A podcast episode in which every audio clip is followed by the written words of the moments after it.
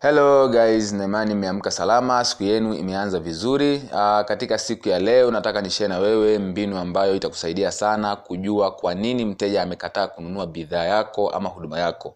Ama kwa nini mteja ameamua kununua bidhaa kutoka kwa mshindani wako badala ya kununua bidhaa ama huduma kwako. Kwa hiyo mbinu hii ukiitumia vizuri kwa kumuuliza mteja swali hili basi itakusaidia sana mteja kukwambia yeye mwenyewe ni kwa nini amenunua au ni kitu gani ambacho anahitaji katika bidhaa yako.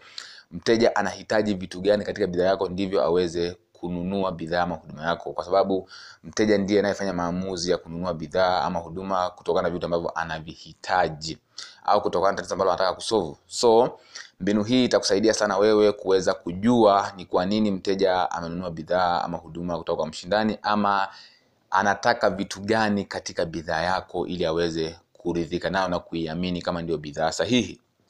Mbinu hii inaitwa 1 to 10 yani moja mpaka kumi. Moja mpaka kumi au 1 to 10 kwa hiyo uh, ni mbinu ambayo ukimuuliza mteja swali jibu atakalokupa ndicho kitu ambacho mteja anakihitaji katika bidhaa yako. Kwa hiyo itakuwa ni rahisi sana kuweza kujua ah, kumbe anahitaji kitu hiki hapa kumbe anataka hichi hapa ah, kumbe kanunua kule kwa sababu ya hichi hapa. So mbinu hii ni muhimu sana ambayo itakusaidia wewe kujua kitu ambacho mteja anakihitaji katika bidhaa yako ama anahitaji vitu gani viwepo ili aweze kununua bidhaa ama huduma yako au kwa nini kanunua bidhaa kwa mshindani wako na wakati hiyo bidhaa wewe unayo. So mteja atakupa sababu ambazo zimemvuta zime yeye anunue bidhaa hiyo kutoka kwa mshindani wako badala ya kwako. Inaitwa 1 to 10 inafanya kazi hivi endapo mteja amekuja katika sehemu yako ya biashara edha unauza bidhaa ama huduma then katika kuongea naye au katika kuzungumza naye kuhusu bidhaa ama huduma yako akakupa kipingamizi.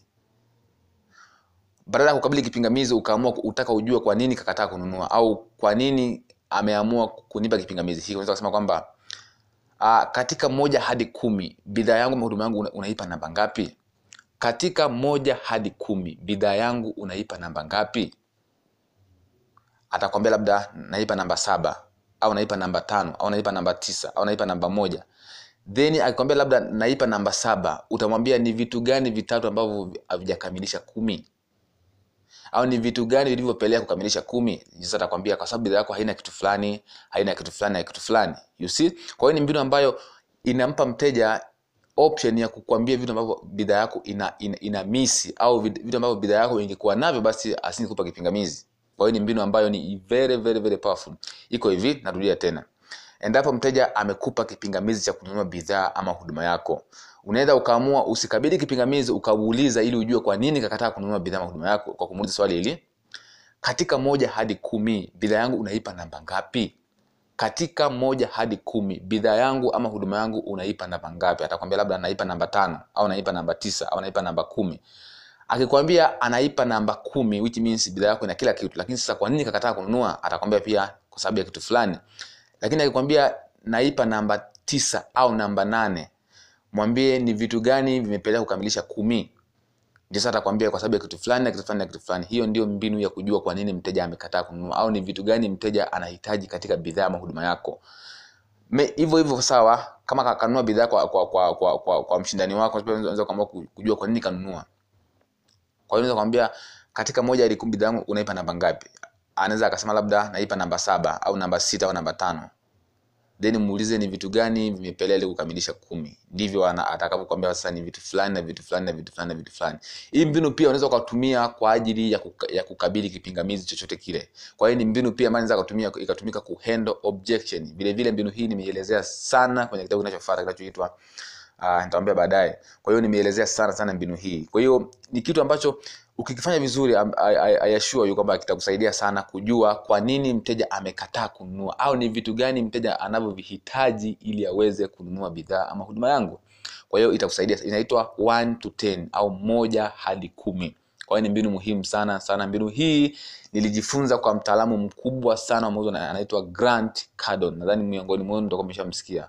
Huyu jamaa ana ana, ana, ana chuo cha, cha kufundisha mauzo kinachoitwa Cardon University. Ni very very very powerful person on earth ever lived ever. Kwa hiyo nijifunza mbinu hii kutoka kwake. Kwa hiyo ni mtu ambaye na effectively mbinu hii inafanya kazi sana, kwa sababu mimi naitumia sana. Uzuri ni kwamba ninavyovifundisha na viishi, kwa hiyo kitu ambacho nakifundisha na kiishi pia kwa hiyo ndio maana tunasema tumia bidhaa unayoiuza au tumia huduma unayoiuza kwa mimi natumia mbinu nazozifundisha na zinanipa matokeo ndio maana naziamini na najua zinafanya kazi. So kitu nikikupa hapa sio theory ni practical na kifanya kazi. Kwa hiyo kinafanya kazi ndio maana nimeamua kukupa na wewe ili uweze kusaidia kuboost mauzo yako. So mbinu hii inayoitwa 1 to 10 ukiitumia itakusaidia sana sana sana. Wanasema mteja anakazia anakazia mteja akikataa kununua bidhaa ama huduma yako muulize hivi. Uh, kwanza kabisa kubali labda kama amekupa kipingamizi stage ya kwanza kabisa kama nilivyowaambia ni kukubali kipingamizi chake na kukubali mawazo yake au maoni yake kama ni sahihi then muulize naomba nikuulize swali katika moja hadi kumi bidhaa yangu unaipa namba ngapi? Katika range ya moja hadi kumi au katika scale ya moja hadi kumi bidhaa yangu unaipa namba ngapi? Then atakwambia labda kama namba tano namba sita namba saba namba nane namba kumi. Kwa sababu kashakupa kipingamizi hawezi kukupa kumi hadi kumi. Maana angekupa kumi hadi kumi which means kwamba angechukua bidhaa lakini kakupa labda anaweza kukupa labda saba au nane au sita. Then muulize ni vitu gani vimebaki ili kukamilisha kumi? Hapo sasa atakwambia ni vitu gani ambavyo angetamani au anahitaji kuviona katika bidhaa ama huduma yako au ni vitu gani ambavyo anatamani viwepo ili aweze kununua bidhaa yako badala ya kwenda kwa mshindani. Vile vile pia unaweza ni njia rahisi ya kujua kwa nini mteja kanunua bidhaa kwa mshindani wako kwa sababu atakwambia uh, samba ambazo zimemfanya kununua bidhaa au huduma kwa mshindani wako. Kwa hiyo ni mbinu ambayo ita, ina, ina, ina ina, ina mteja kukupa sababu za yeye kununua bidhaa yako au kwa nini amekataa kununua bidhaa yako. Ama ni mbinu pekee ya kujua vitu ambavyo mteja anavihitaji katika bidhaa ama huduma yako ili uweze kumuuzia bidhaa ama huduma yako kirahisi zaidi kwa hiyo ni mbinu hii ukiitumia itakusaidia sana. Katika siku ya leo nataka nishare na wewe mbinu hii tu ambayo ni muhimu sana sana sana. Kwa hiyo itumie sana. Inaitwa 1 to 10 au moja hadi kumi. Kwa hiyo ili kujua kwa nini mteja kataa kununua bidhaa ama huduma yako. Uh, kuna kitu kimoja kuna story moja naweza nikawapa hapa ili, ili kujua kwamba mbinu hii ni muhimu sana. Iko hivi. Uh, kuna jamaa mmoja alienda kuvua samaki katika kwenda kuvua samaki kwa sababu yeye alikuwa anapenda sana senene.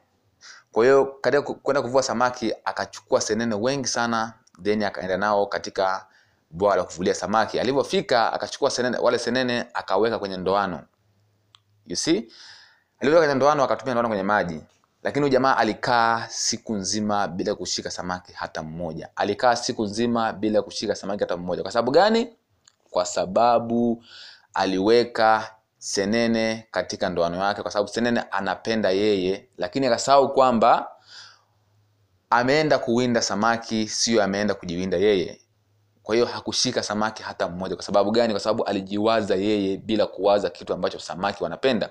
Lakini angeweka uh, ile tunasema minyoo au, eth, uh, au ethums au worms kwenye ndoano angedaka samaki wengi sana. Kwa sababu gani? Kwa sababu ndicho kitu ambacho samaki wanakipenda. Kwa hiyo fikiria zaidi mfikirie zaidi mteja wako kuliko kujifikiria wewe.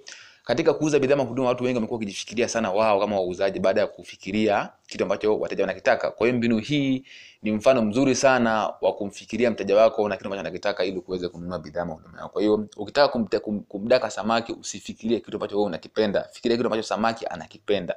Samaki ndio mteja sasa you see? Kwa hiyo ndio, mbi, ndio mbinu rahisi ya kuweza kumshika samaki kwa kufikiria kitu ambacho anakitaka na kumwekea katika ndoano. Kwa hiyo hivyo hivyo pia nakutaka kuuza bidhaa huduma fikiria kitu ambacho mteja anakihitaji badala ya wewe kufikiria wewe unahitaji kitu gani. Kwa sababu ndiye unayemuuzia bidhaa ama huduma yako sio wewe unayenunua bidhaa ama huduma. Kwa hiyo ni kitu cha msingi sana tumia mbinu hiyo itakusaidia sana. Inaitwa 1 to 10 moja hadi kumi. Asanteni sana. Uh, naomba tuishie hapa katika siku ya leo